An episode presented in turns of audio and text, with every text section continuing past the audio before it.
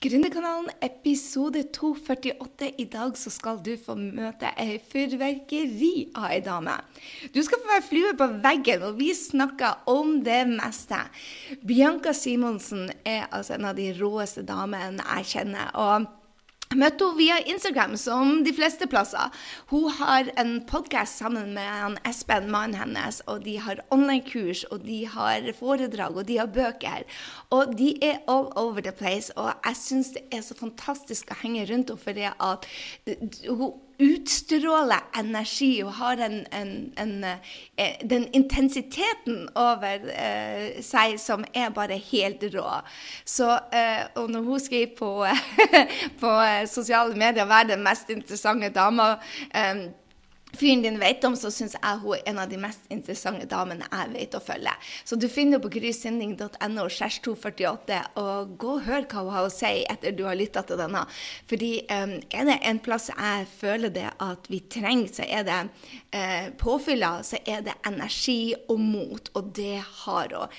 Altså, hun har en utrolig dyp historie også, det å bruke det som livet slenger mot deg, uh, til å bruke det som gjødsel. Hun mista mannen sin, og ut ifra det så har hun altså bygd et produkt, mange produkter. Ikke bare ut ifra det, men ut ifra hvem hun vokste seg til å bli, sammen med også hennes nye mann, Espen. De to sammen er bare helt rå, så eh, den Snakk om podkasten, det må du bare gå og lytte til. Jeg har bare lyst til å dele denne damen med deg, fordi at det er, der er, få mennesker som, føler, som, jeg føler kan være litt brutalt ærlige som hun. Og innimellom så sparker hun meg bak uh, uten at hun vet det. Og av og til så løfter hun meg opp, og innimellom så gir hun deg den gode klemmen uh, som du trenger. Så jeg håper det er det vi klarer å gi deg i denne uh, eh, podkasten. At, uh, at, vi klarer å gi deg noen tips til hvordan du kan få enda mer energi. gjøre de tingene som gir livet mer mening og inspirere deg til å ta gode valg for deg. Det, det, det er derfor vi er her. Det er derfor vi er her. Så um, lytt til denne dama, og del gjerne med meg hva du tok med deg som høydepunktet. Jeg vil så gjerne vite. Du vet at du kan screenshotte og så sende til meg og tagge meg. Da blir jeg så utrolig glad. Da er det flere som får vite om oss. Og hør her. Uh, hun har en business på nett hvor hun selger online-kurs. Og det er veldig lurt når man driver med foredrag og bøker også, for at man skal hjelpe flere. Og har du lyst til å lage online-kurs, så få med deg treningen vi har nå. De går bare noen få dager til, så gå inn på grysynding.no slash online-kurs og få med deg den serien som vi har laga, hvordan du skaper online-kurs, hvordan du selger det, og hvordan du eh, trenger å jobbe på det mentale for å faktisk rocke online-kurs. Så eh, er det av interesse for deg, så jeg håper før du er klar, se denne muligheten som vi er i nå. Denne store nedturen vi er i nå, er også en enorm mulighet til å gjøre endringer. Og kanskje er det en av de endringene som du skal gjøre. Jeg vil i så fall elske å ha deg med. Du går altså på online-kurs.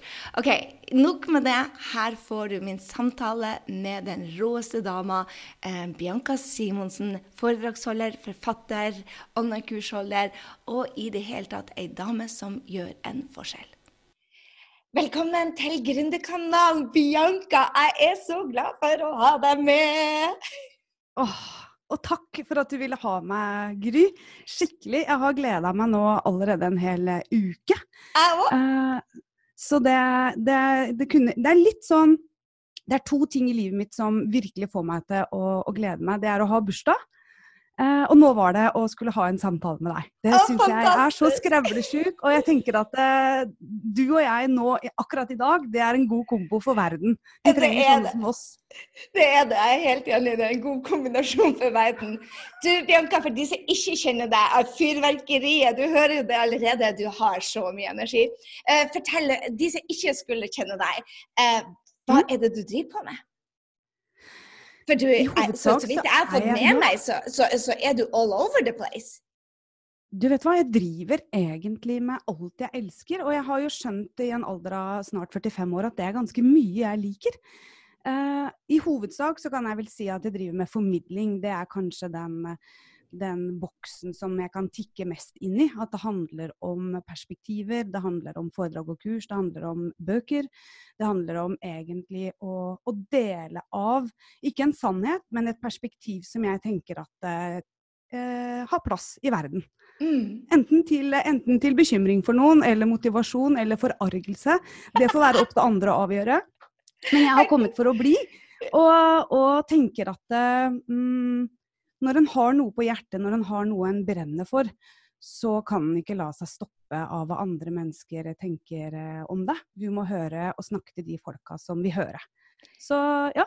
Hvor starta din eh, historie? Hvordan kom du for at du Per i dag så har du en bedrift sammen med mannen din?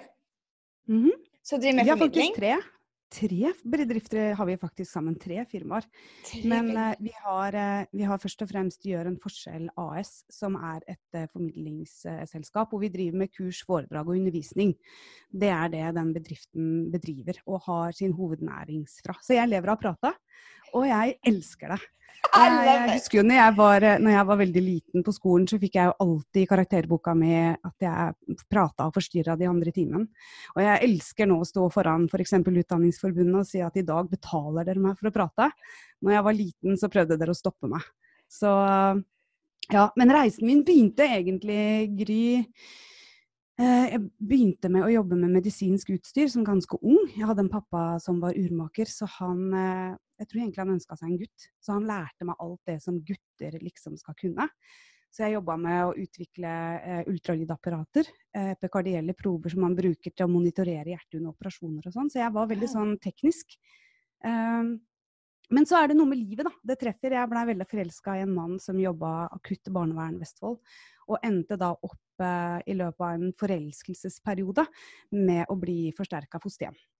Mm. Så da var jeg 21 år og fikk mitt første fosterbarn, som var en gutt på 13. Og jeg hadde ingen relasjonell kompetanse. Jeg likte ikke engang unger. Jeg ville ikke ha unger. Men uh, det er noe med forelskelsen som gjør oss relativt rusa, og jeg kler ikke å være for rusa. Jeg styrer ofte unna alkohol, fordi at det, det bare Det skjer et eller annet, da. Så Mister du litt kontroll? liksom. Nei, eller jeg er jo i utgangspunktet veldig positiv og veldig litt sånn Jo vanskeligere ting blir, jo mer trives jeg på en måte i det å utfordre meg sjøl. Så men Så har du fått mye utfordringer de siste dagene, da? Hallo i Ja. luken. Absolutt, men ikke, jeg opplever at jeg, det er mange mange år siden jeg ble ferdig skremt. Så, så jeg eh, lar meg liksom ikke skremme av disse dagene. Disse tankene har jeg tenkt mange, mange ganger gjennom de siste ja, 13 åra. Men eh, ja, det er noe med Jeg tror uh, tidene i dag Min historie starta egentlig med når mannen min tok livet sitt. Ja, han gjorde jo det. I 2006. Det var egentlig da alt endra seg for meg. Fra å være på en plass i livet hvor det var godt å være, med flere fosterbarn, to gutter, egne tvillinggutter på fem år, på et småbruk som vi hadde restaurert i åtte år, til å gå og legge meg uten å vite noen ting. Eh, til å stå opp til en, en morgendag som var helt, helt annerledes enn det jeg kunne forestille meg. Mm. Så det var egentlig den reisen der som gjorde at jeg endte opp som formidler. Mm, I det å ha skjønt etter at jeg har liksom jobba meg tilbake verdien av mental trening, verdien av hvilke folk du har rundt deg, verdien av å lytte til rett forskning og bruke rett metoder og verktøy som funker for deg, og ikke ta altfor god fisk. Mm. Eh, så, så utdanna jeg meg til barnevernspedagog, så jeg hadde veldig stor erfaring med å være tett på ungdom som blei stigmatisert, som blei satt i boks av fagpersoner. Fagpersonene som var rundt oss, var egentlig de som var mest kritiske til at det skulle bli noe ut av disse ungdommene. Så plutselig så var jo jeg den som var enke, og ble satt i en, en situasjon og en, en kontekst hvor andre hadde meninger om når er det greit å smile igjen, når er det greit å pynte seg, når er det greit å ønske å elske igjen. Um, og skyld og skam og ja. For, du- for du forelska deg um, etter, eh, for, etter um, uh, Hva skal jeg si Samfunnets tidsperspektiv for fort? Har jeg forstått deg riktig, da? Nei, egentlig ikke. Nei? Eh, men jeg har, jeg har hatt veldig sånn hjerte for mennesker som kommer i samme livssituasjon. Jeg var så heldig, Gry, at jeg våkne, vokste opp med tante. som het Hjørdis, og hun var gift tre ganger før hun var 30. Eh, var sjødame fra hun var 16. Var klin gæren. Wow! Eh, Ja, og hun var egentlig en sånn som da jeg var liten, så var jeg litt flau av, for at hun tok så sinnssykt mye plass. Eh, og hun var så annerledes, og hun drev med tarotkort og elska indianere. Og hun var i Horten, der hvor jeg kommer fra, så var selv hun ganske mye. Og det, det skal mye til i Horten. For de av dere som kjenner Horten, så, så det er en litt sånn harry by. Så når du liksom topper den Men hun lærte meg noe, hun sa alltid det at hva andre mennesker tenker om deg, Bianca, det har du ingenting med. Mm. Og det fikk jeg jo veldig bruk for når mannen min tok livet sitt. Fordi at da følte jeg jo plutselig på disse her strenge sosiale reglene i Norge. Vi har jo de strengeste eh, sånne, hva heter det, usynlige regler, da. Hva mener du med at vi har de strengeste reglene i verden? Nei, vi har, vi har regler på, på hvordan man skal oppføre seg. Hvis ha, du eksempel f.eks. da Jo, i, i verden så er vi en av de landene som har de strengeste sosiale reglene for, for hva som er greit og ikke greit. Og hvor, eh, hvordan vi oppfører oss. Og bare i form av hvor er det du setter deg når du går på bussen. Hvis du da setter deg sammen med noen og ikke tar et ledig sete, så er ikke det greit for de fleste. Har du ikke kjent på det sjøl? Hvis, hvis du hadde sittet i gri på bussen, og så var det masse ledige seter, og så var det ett ledig sete bak deg, og resten av bussen var nesten tom, så hadde jeg satt meg ved siden av deg. Ville ikke du stussa da på hvorfor satte jeg meg ikke en annen plass? Jo, jeg ville vel det. Og i andre land så er det egentlig normalt at man setter seg sammen. Er det det? Det visste jeg ikke. Mm. Jeg, jeg liker mest å være alene da, så det, jeg tenker det at det er at, fordi at jeg liker å være alene. Så derfor er jeg, jeg, er ikke, jeg er ikke veldig ofte på bussen, jeg må innrømme det. Nei, nei, eller toget. Men vi har veldig, veldig mange sånne sosiale regler for hva som er greit og ikke, ikke greit. Yes. Så, og det er ganske interessant når man gjør et eller annet som er Jante er jo en sånn regel, ikke sant? Hvor du, hvor du bare kjenner stemning. Det ikke, du bør ikke engang høre det fra noen. Du bare merker. F.eks. hvis man er for mye. I USA så elsker de jo mennesker som er mye. Yeah. Som framsnakker og heier. Og du kan jo, du kan jo I USA når jeg er der, så er jeg bare full blomst. Ja. Og i Norge så Og det er jo de reglene, Gry. Ah, Og det blir ikke engang uttalt, ja. man bare kjenner på det. Ja. Så, Nei, men, men det, så det, de blir uttalt. Jeg har alltid hørt i hele mitt liv at det er altfor mye. Og bare oh my god. En venninne sa til meg på en fest en gang bare eh, Nei, hvis hun kommer, så, så orker jeg ikke, for det er ikke plass til meg da. Og bare, Hallo, vi har jo hele stua, tenkte jeg. Men jeg lo for høyt, og jeg snakka for høyt, så, så jeg har alltid fått hørt, hørt det, at det er for mye.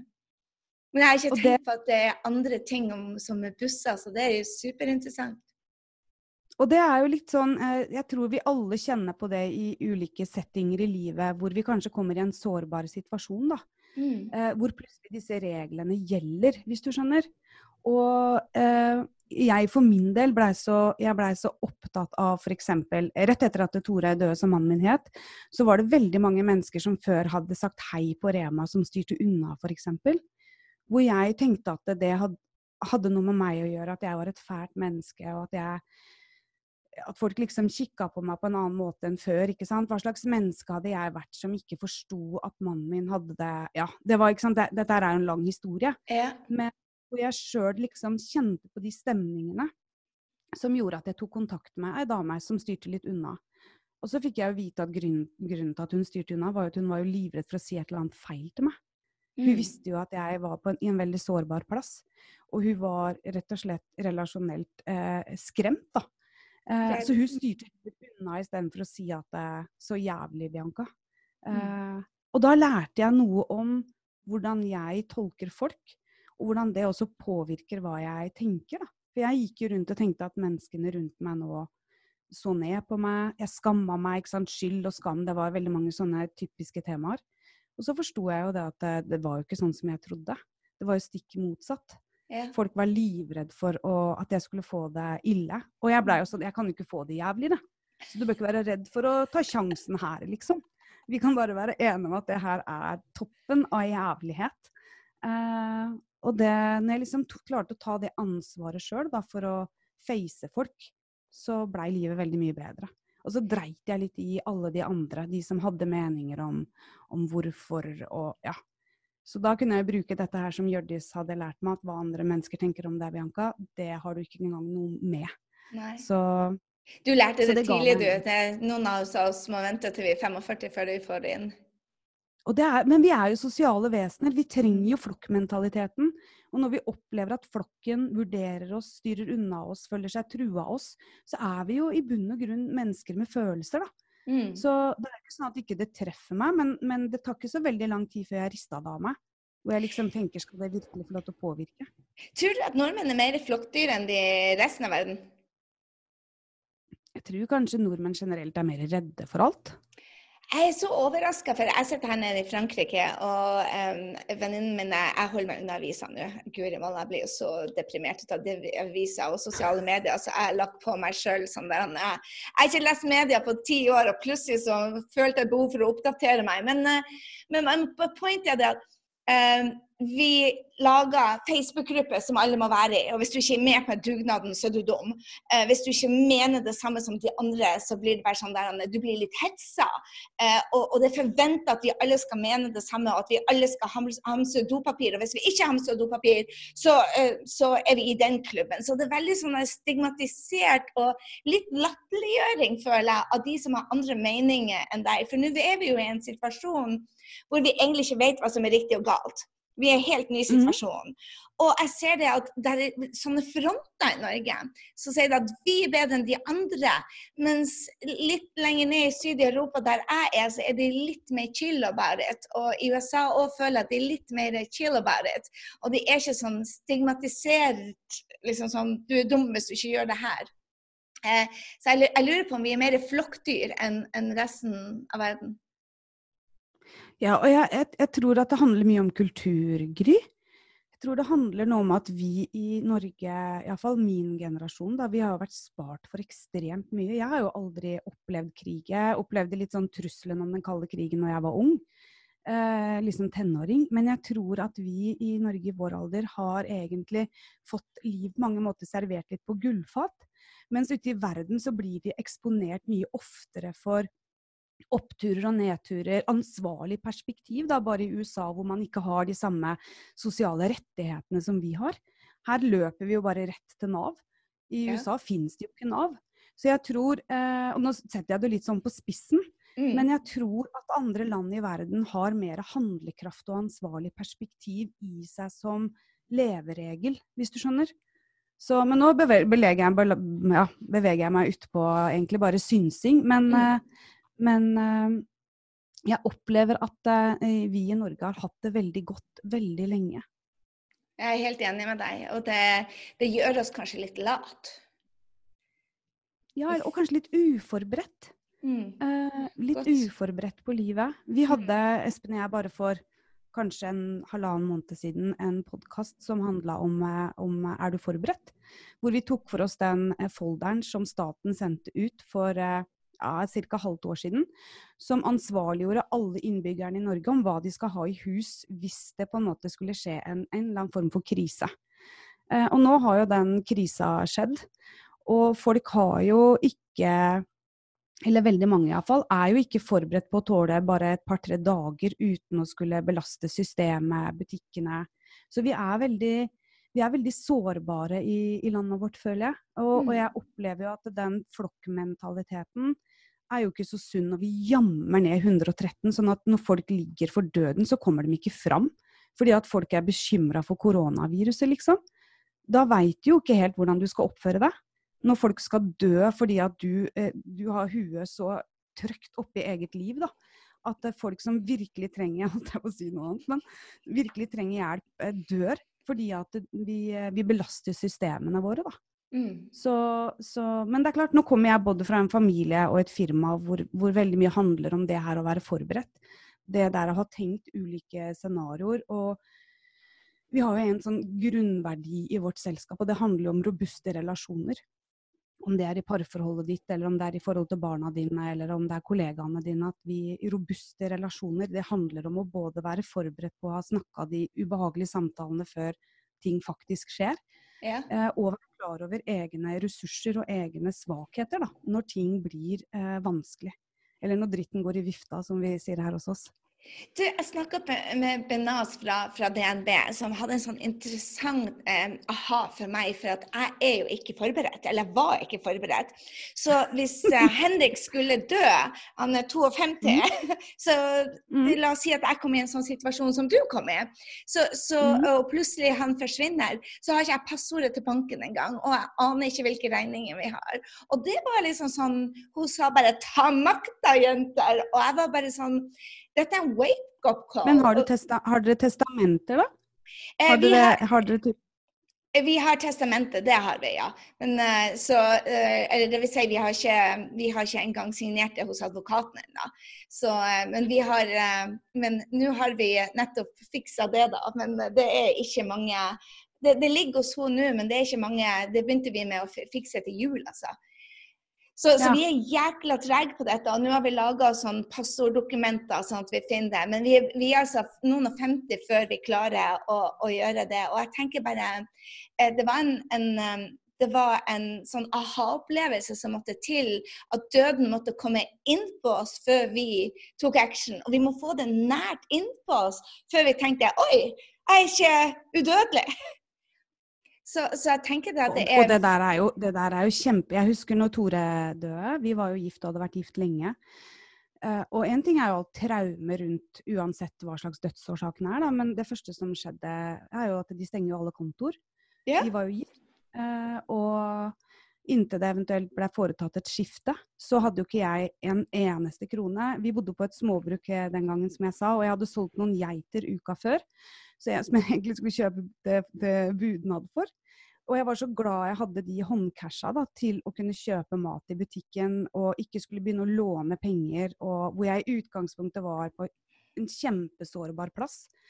Så, og ikke minst dette her med, med, pensjoner. ikke sant? Enkepensjon som du får jeg vet ikke hvordan det er nå, men etter fem år. Eh, vi hadde vært gift lenger enn fem år. Eh, gjeldsforsikringer. Fy fader. vet du hva, det, alt, Jeg var veldig veldig heldig. Vi hadde veldig orden på tinga våre. Jeg husker jeg var i banken jeg vet ikke helt når, men jeg husker at han banksjefen den gangen sa at det var ei dame her bare for noen måneder siden, og hun eh, må selge alt. Eh, eier ikke nåla i veggen, hadde ingen papirer på ting. Uh, den avdødes barn uh, hadde krav på alt. De, der hadde alltid vært konflikter. Så du vet hva, det er En skal virkelig ha papirene sine i orden og tenke scenarioer også, Gry. Fordi at det, du trenger ikke den ekstra belastninga når, når, det virkelig blir vanskelig. Så gå til alle dere som hører på, sørg for, og spesielt kvinner, sørg for å sikre dere sjøl, sånn at dere står godt i det. Jeg er jo i dag igjen godt gift eh, og har vært sammen med Espen i elleve år. Vi har signert eh, testamenter veldig klare restriksjoner på firmaene våre. Hvem skal arve hva? Hva hvis begge oss to dør? Mm. Eh, så alt fra hvor vi skal gravlegges og ja, det er eh, veldig Jeg har til og med lagd min egen gravsteingry når jeg jobba med kunst og håndverk og jobba i sånn steinbrudd. Men uh, jeg, jeg liksom det er så morsomt å høre på. For jeg sa til Henrik jeg skal brenne. Så han sier det heter kremere. Så jeg bare ja, og jeg skal strøs her i Middelhavet. Og, han, og ungene bare nei, mamma, du kan ikke gjøre det. Jeg bare det er jeg som bestemmer. Og det skal ikke være begravelse. Og da må du sørge for å få det skriftlig. Yes. Du, må få, du må skrive ja, ja. det. Ja, ja, for at, uh, broren til Henrik døde, og der var det uenighet. Hvordan han skulle mm. gravlegges. Og, og, den ene parten de er skilt foreldrene, den ene parten vil den andre. og Det, det ble jo ikke noen konflikt, heldigvis, men, men, bare det at de hadde forskjellige ønsker, og de ikke visste hva han ville. Jeg var bare sånn der, Oh my God, jeg vil at mine skal vite hvordan jeg vil ha det. Det må gjøres på, Jeg skal dø på mine premisser. Og det er jeg så enig med deg. Og jeg opplever at det er veldig kraft i å faktisk snakke om de tinga. Eh, både Espen og jeg har jo begge mista ektefellene våre før og vært igjennom de prosessene på godt og vondt, og kommet ut av det med en veldig sånn realistisk forhold til hva som kan treffe. Mm. Og, og, de samtalene vi har hatt om hvordan ting er, hvordan det kan bli, hva hvis han dør, hva hvis jeg dør, de har vært så gode samtaler. fordi at eh, jeg tenker uavhengig av hvilken relasjon vi har rundt oss, så må den tåle disse samtalene. Det er eh. vanskelig for de fleste av oss som ikke har gått gjennom det, det som dere har gått gjennom. Jeg tror vi tenker at det er så lenge til At Mm. hvis vi ikke får det tett oppå så utsetter vi det fordi at det er vanskelige samtaler. Vi, måtte gå, eh, vi, er, vi har alltid en ekteskapsrådgiver. Og, og vi tok de økonomiske med firmaet og med hvordan økonomien skulle være, og det, det som vi har satt ned i en kontrakt nå, det måtte vi ta hos henne. Ja. Fordi at det var ikke noe vi kunne løse over ei flaske rødvin. Og det tror jeg er lurt. Jeg tror det er lurt eh, å først se om man kan løse det selv. Og man har, er på, liksom, på samme nivå. Og vi had, har jo også en advokat som wargama oss. Ja, hva hvis Espen er utro? Er det sånn, vil du, vil du, Skal han få alt dette ekstra da, liksom? Og jeg må jo være ærlig eh, nei. Eh, så det er stor forskjell for meg om vi velger å gå fra hverandre, eller om jeg dør. Hvis jeg sklir i trappa etterpå og dør, så kan han få alt, ikke sant. Og så må han selvfølgelig dele med ungene mine hvordan det er. Men hvis det er sånn at han i morgen velger å gjøre eller, eller stikke eller alt som kan skje, da, Mm. så vil ikke jeg bli stående igjen her og føle meg liksom forsmådd. For det, den rollen kler meg ikke. Å stå her som et offer av at det, Å, jeg trodde han el elska Jeg trodde ikke jeg trengte papir. Det er sånn jeg, jeg, eh, jeg kjenner meg sjøl så godt at jeg vil heller ta alle de ubehagelige samtalene i forkant. Og det er for mange kvinner der ute, og helt sikkert menn, som ikke engang tør å gå ut av dårlige parforhold. Og nå har vi, vi har jo hatt over 3500 par på kurs, så vi er jo i utgangspunktet der at hvis du jobber for parforholdet ditt, så blir det godt. Men det er enormt mange mennesker som er værende i crappy, usunne ekteskap fordi de ikke aner hvordan det kommer til å stå til økonomisk hvis de går. Ja, Og jeg tenker at der må du og jeg, Gry, være forbilder på å snakke om det, løfte det opp, eh, og ikke minst gi handlekraft eh, tilbake til folket. Men da må vi tåle de ubehagelige samtalene, da. Hva Så- tror du gjør det at folk faktisk velger å være i ekteskap hvor det er ikke kjærlighet, hvor det er krangling, hvor det er ehm, bygges ned. For jeg var jo et sånt. Jeg ble jo banka skikkelig um, i mitt tredje forhold, andre forhold. Uh, I to år ble jeg banka. Og jeg som trodde jeg var en sterk Nå var jeg jo ganske ung, jeg var bare 20 år, Mhm. 1920. Men jeg trodde jeg var en sterk kvinne på det tidspunktet. Og likevel så tenkte jeg bare å nei, han blir, han blir skjerpe seg. Og han mente det ikke. Og det er barndommen hans, og det er fylla, og det er Så jeg hadde alle gode forklaringer. Og så er det jo noe med at sterke kvinner også blir slått, uh, Gry.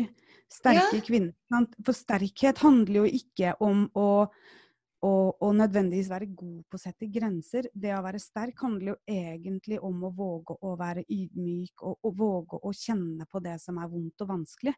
Så jeg tror nok det derre ute i samfunnet vårt nå, så er det veldig sånn power-begrep over kvinner. Men jeg tenker, kan ikke vi kvinner bare få være akkurat som vi ønsker, da? Om det er å være eh, ansett som ikke sterk, ikke sant? For, for hva Det er litt sånn Når du sier at eh, eh, jeg var sterk, men så var jeg det ikke allikevel fordi jeg ble på en måte type slått og misbrukt, da, så tenker jeg da at det, det handler jo på en måte om en psykisk belastning som man blir utsatt for, hvor man ofte tror at det er ens egen skyld, ikke sant?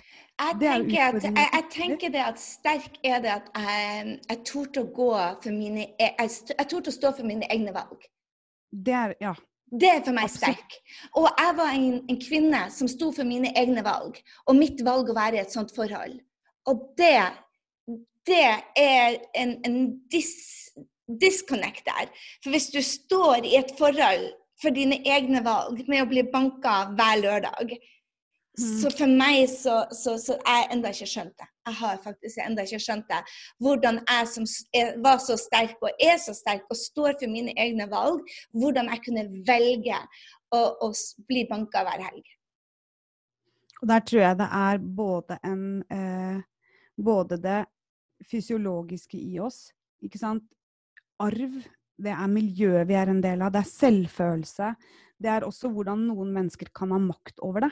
Uansett hvor utdannet du er, eller uansett hvor suksessfull du er. så er ikke Vi har ofte en tanke om, om kvinner som på en måte er i, i destruktive eh, parforhold, som om at de er eh, sårbare, svake, uintelligente eh, kvinner som er Men det er jo ikke det. ikke sant? Det Er er, det? det er deg og meg. Mm. Kvinner som blir utad sett inn på som smarte, sterke. Og, og, så jeg tror at det der, der er også temaer vi må våge å snakke mer om i samfunnet vårt. Og, hva, og ikke minst det å være gode på å dele. Hva er det som gjør at du kom, valgte å gå ut av det, Gry? For der ligger jo nøkkelen. Det sto, det sto om liv og død. Jeg ble, jeg ble, jeg ble kasta i en fryseboks, og det begynte å bli tom for oksygen, for han var låst og stukket av. Og hadde ikke min nabo kommet. Og egentlig bare Hvor lenge skal du egentlig Han, han sa bare ett ei setning. Han blir å drepe deg sa han bare. Og jeg bare Oh my God, han har faen meg rett. Da pakka jeg tingene mine og dro. Men det var, det sto om liv og død for meg der og da. Og det var det som fikk meg til å våkne. Ellers så har jeg holdt på en stund til. Det er overbevist. Og det der, der er jo, ikke sant. Det, det, er jo Det handler jo om at andre mennesker oftere må ta et skritt fram. Og faktisk mm. presentere oss for fakta som er beinhard. Ja, ikke sant? Det, For jeg så ikke det selv. Selv etter å, å ikke ha mer oksygen i en fryseboks, så tenkte jeg bare ja, ja, det gikk jo bra denne gangen òg. Men, men, det er helt utrolig hvor uh, hjernevaska man egentlig blir når man går Hva man tar som normalen.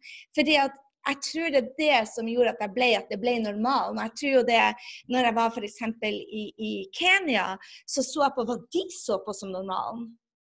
Det å ikke ha vann var normalt. Det å ikke ha do var helt normalt. Det å bli seksuelt misbrukt var helt normalt. Så når du, altså normalen vår blir pusha, så, så, klarer vi ikke egentlig lenger å se hva som er riktig og rett for oss. Riktig og galt heter det kanskje. Men også jeg, jeg, tenker at eh, når det kommer til alle disse temaene Faktisk så eh, hadde jeg en litt sånn eh, Vi satt rundt kjøkkenbordet her hjemme i går og snakka litt om, om, det som treffer liksom hverdagen og livet vårt nå i forhold til koronaviruset. Så fikk jeg en sånn veldig Jeg er jo så privilegert. Jeg har jo to friske gutter på 18 år, er godt gift med en mann som er det fineste mennesket jeg vet om. Og ja, selv om business og sånn nå på mange måter kan bli utfordra når man lever av å stå på scener og levere foredrag og kurs. For å si Det sånn, det er ikke så mange bookinger igjen nå i, i avtaleboka, iallfall fram til sommeren. Nei. Så kan man jo bli, lett bli eh, redd når man drifter eget. Men jeg føler på mange måter at vi er så heldige å ha på en måte det aller viktigste. Men jeg fikk rett og slett en, en reaksjon i går på alle de menneskene som nå må befinne seg hjemme i voldelige ekteskap barn som opplever misbruk, ungdommer som kanskje bare finner livsglede i det å gå på skolen. Jeg fikk en ordentlig reaksjon på eh, å kjenne på alle de som ikke er like heldige som meg. Mm. Og, det, og da med foreldre som kanskje er stressa over livsopphold, det å skulle kanskje klare å overleve bedriftsmessig. Hvordan voksne mennesker kan Nå, nå er jeg utdanna barnevernspedagog, så jeg, jo, jeg, kan jo mye om de tinga her. Jeg fikk en kjempefølelse av omsorg for alle de som nå faktisk blir stua sammen hjemme. Hvor det ikke er hensiktsmessig. Voksne med alkoholproblem, rusproblematikk, psykiske lidelser. Å, fy faen. Liksom jeg tenkte bare Og jeg er så takknemlig for at det, akkurat her og nå så, så har, har, vi det på en måte godt familiært, da. Mm. Men med hjerte for alle de, kanskje spesielt barna og utsatte, liksom. For hvordan det blir for de. Og det, det er jo ikke sånn man vanligvis tenker på. Uh, og Espen sier jo alltid til meg og vet du hva, Bianca, den fineste egenskapen du har, er alle perspektivene dine. Yeah. Og i går så sa han da at det, det er jo ikke alltid, uh, kona mi, at alle disse perspektivene i å se um, er, uh, er like hensiktsmessig, da. Men jeg følte at det var på plass faktisk å, å sende en tanke og ha de med meg. da. Og ikke mm. minst si om det her eh, hos deg i dag. At det, mm. det, påvirker på veldig mange nivåer, dette, dette viruset. Det gjør det. Mm, jeg, vi, vi, har forberedt det har vi forberedt oss. Den finansielle nedturen det har jeg forberedt meg på i tre år nå. For du vet, etter en, en høst som vi har høsta så lenge av, så vet man at det kommer en vinter. Men, men, det kom veldig overraskende hvordan den skulle komme. Det var nesten så vi trodde det var krig i Korea og USA før som skulle ta denne mhm, ned. Mhm. Og olje. Men at det skulle komme som et virus uh, som blir påvirka uh, Det påvirker der er nesten ingen det ikke påvirker. Altså, vi vi har jo aldri sett noe sånn som det her. Så det er jo en utrolig spennende situasjon. Det setter oss i som et kollektiv. Og, og, og spørre oss selv hvem vil vi være i nedturen? Mm -hmm. For, for ja, dette, er jo men, dette er jo mental trening. Ja, absolutt. Jeg hadde et innlegg i dag på, på Instagrammen min hvor det sto eh, 'raushet smitter også'. Eh, og jeg tenker at det, det, er noe med å ha de perspektivene nå på at det er positivitet smitter. Anerkjennende kommunikasjon i det at vi har undring i møte med hverandre. At det, det, treffer deg på en annen måte enn meg, uten at vi skal vurdere hvem det er verst for. Så, så jeg også tenker jo at den her kom veldig sånn det ser jo veldig annerledes ut i dag eh, i vårt liv også enn, en bare for tre uker siden. Men jeg er litt sånn forberedt. Som jeg sa, jeg følte at jeg er på mange måter ferdig skremt etter at jeg fant mannen min, eh, min død. Og opplevde å karre meg tilbake til livet, akkurat som din historie, Gry. Det er noe med når du har vært så langt nede at ikke det lå noen under deg på gulvet, liksom. Det var ikke noen flere under noen planker. Da har en liksom eh, uansett hvor dritt det skal gå da, med firmaene våre, eller så kommer vi til å klore oss opp igjen. Jeg er overhodet ikke redd. Nei. Men det er noe med det å prøve å ha den rausheten òg, da. Ikke mm. sant? Prøve å, å, å Ja. Å, det er jo så synd på restauranter og, og hoteller og hvor permitteringene bare tyter nå. Hvor jeg liksom Å, jeg tror vi må huske det at vi, altså, vi har vært spart lenge. Vi har hatt en opptur lenge. Og det er alltid en pris å betale. Og ja, det er synd på restaurantene, på flyene, på, på deg som har foredrag. Men, men der er alltid en vinter. Og så er det spørsmålet De som virkelig vil, de får det til. Og nå må man bestemme seg for å bygge seg opp igjen. Altså Jo fortere vi begynner Absolutt. å se på hva er positivt, jo fortere kommer vi oss ut av det. Jo fortere vi graver oss ned, jo lenger kommer vi til å være der.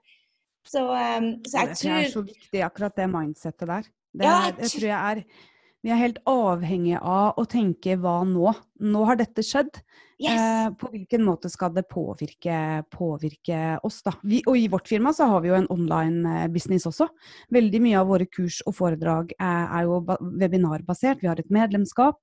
Så, og vi har jo en podkast med over 30 000 nedlastninger i måneden. Så jeg, jeg tenker at eh, så lenge vi eh, driver med det vi elsker, så lenge vi evner også Vi er jo der ute og snakker om endring i firmaer. Så nå må vi faktisk vise at vi ikke bare står der og prater om det, ja. eh, men faktisk klarer å, å, trives sammen i ubehag. Da. Ja. Og faktisk klarer å ha ut ressurser og, og, tenke at eh, ok, så lenge vi har livet i behold, så lenge vi har eh, de nærmeste rundt oss som også er friske, da har vi jo for faen meg alt, tenker jeg. Jeg er helt enig.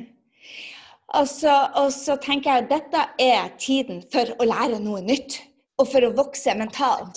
Så hvor finner de dere på podkasten? For jeg så det at Espen har Han sier det hele tida, at alle møter utfordringer. Hvordan du håndterer de, er det som, som, spiller noen rolle. Så hvor kan de lære mer av deg, Bianca? Og hvor er det de kan lære mer fra, fra dere? For dere har de mentale verktøyene til å bygge seg opp igjen etter denne nedturen. Først og fremst så tror jeg vi anbefaler folk å høre på podkasten Snakk om, som er en ja. podkast bare for, eh, for, eh, folk flest. Hvis ikke så er det jo på sosiale medier, da. På både Facebook og, og Instagram er både Espen og jeg og dunker på. Og så er det jo nettsida vår Gjør en forskjell. Men jeg har lyst til å si en annen ting òg, for det er ikke så veldig lenge til så dukker han eh, mannen min opp på Kompani Lauritzen. Og det blir nok en del TV-titting framover på folk i, i landet vårt. Uh, og der er en viljestyrkeekspert i en eh, episode der. Så, og hvis ikke du har sett på Kompani Lauritzen, uh, Gry, det må du. Det er for folk som deg og meg. Du kommer til å elske det. jeg gikk du, Bianca, du kan ikke gjøre dette mot meg. Jeg har ikke sett TV på ti år utenom de fire seriene mine. Og jeg tenker bare, jeg ble så deppa ut av de VG og Dagbladene at jeg blir aldri å gå tilbake til avisene. Og bare du sitter på TV, så er du elendighet. Jeg tør ikke. Ja, men, men da, må du, da, må du, nei, da, må du, bare sørge for at du bare går inn akkurat når eh, alt er, er, der ute er ferdig. Så okay. du bare kan få det juicy stuff, Kompani Lauritzen. OK, jeg skal gjøre ja. det. Tusen takk, Bianca. Jeg skal ta deg på ordet. Jeg skal finne deg og se på Espen. Og vi finner deg under Bianca Simonsen og gjør en forskjell. Um, mm -hmm. Jeg må bare si det at uh, dere gjør en svær forskjell. Og det å, å, å, lære ut av dere på sosiale medier og den positiviteten, det er det vi trenger mer ut av. Så tusen, tusen takk for at du ville dele historien. Og takk sjøl, eh, Gry, for at du er der ute. Jeg, eh, det er ganske ofte jeg har en del venninner som er gründere, hvor jeg hører stemmen din, enten i en form av podkast eller at de er på Instastory. Så det er en liten sånn venninnegjeng bak meg som har tomler opp og heier på deg, og som du har betydd mye for. Så, så takk for at du er der, ikke gir deg. Hang on there. Eh, jeg heier også gjennom denne eh, bøygen her eh, for deg. Og vi skal bare spille hverandre gode, Gry, og bidra til at denne verden blir en bedre plass å være. Tusen takk, Bianca. Det er, dette er sånn jenter heier på jenter. Live it. Live it. I love it. Tusen, tusen takk skal du ha. Og der har du det, den rå dama som er her for å endre verden. Og det er du også. Så et lite steg i dag og et lite steg i morgen. Og en av de tingene som jeg anbefaler å gjøre hver eneste dag, og spesielt i disse tider, er å bare sette av ti minutter hver eneste dag jeg gjør det klokka ni om morgenen, sender eh, lydmeldinger, gjør tre personer litt gladere i dag. Så kanskje det er en av de, de um, taktiske tingene som du kan gjøre for å løfte noen. Kjenn etter hvem er det som trenger å høre fra deg. Kanskje send dem en tekstmelding, kanskje sende dem en liten lydmelding, kanskje sende en video. Kanskje bare dele med dem tre stykker om at du elsker dem høyere enn himmelen. Det gjør faktisk verden litt bedre i dag enn den var i går. Vi trenger deg, og du er her for å gjøre en forskjell. Men det, vi høres allerede på torsdagen på Gründerkanalen. Ha en strålende dag, kjære venn.